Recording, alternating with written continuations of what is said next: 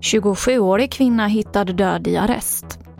Mördare som rymde igår från rättspsyk har gripits. Och idag är det dags för Stockholm Marathon. TV4-nyheterna börjar med att vi nyss fick in uppgifter att en 27-årig kvinna som omhändertagits enligt lagen om omhändertagande av berusade personer hittades livlös i arresten på polisstationen i Trollhättan i morse.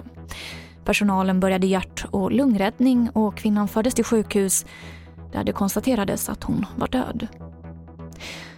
Den 38-årige dömde mördaren som rymde från rättspsyk igår eftermiddag i Göteborg har fångats in. Det här bekräftar polisen. Ja, vi fick ett samtal eh, 08.43 från en person som eh, då trodde sig ha sett den här mannen på Drottningtorget i centrala Göteborg. Och eh, vi åker ut där på ett par minuter och eh, kontrollerar den, den här mannen och det visade sig att det, det var rätt man.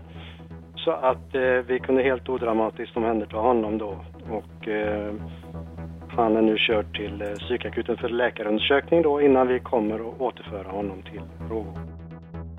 Det sa Peter Adlersson som är presstalesperson på polisen Region Väst.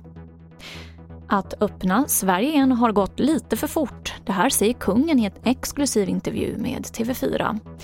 Kungen och drottningen har precis som många andra 70-plussare varit isolerade under delar av pandemin. Men om kungaparet själva hade fått välja så hade vi fortsatt hålla ut ett tag till. Det gick lite snabbt kanske på vissa platser tycker jag. Men mm. vi får fortfarande hålla i. Hur då menar jag. kungen? Att ja, vi ska vara fortfarande här, i och för sig utomhus, men kanske, vi, vi, det är inte över va? och det här kommer vi hänga i. Och vi avslutar med att idag klockan 11 gick det 42 Stockholm Marathon av stapeln.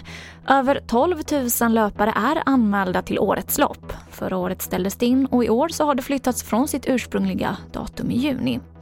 Och hela sändningen kan du följa på tv4.se. Och fler nyheter hittar du i vår app TV4 Nyheterna. Jag heter Emily Olsson.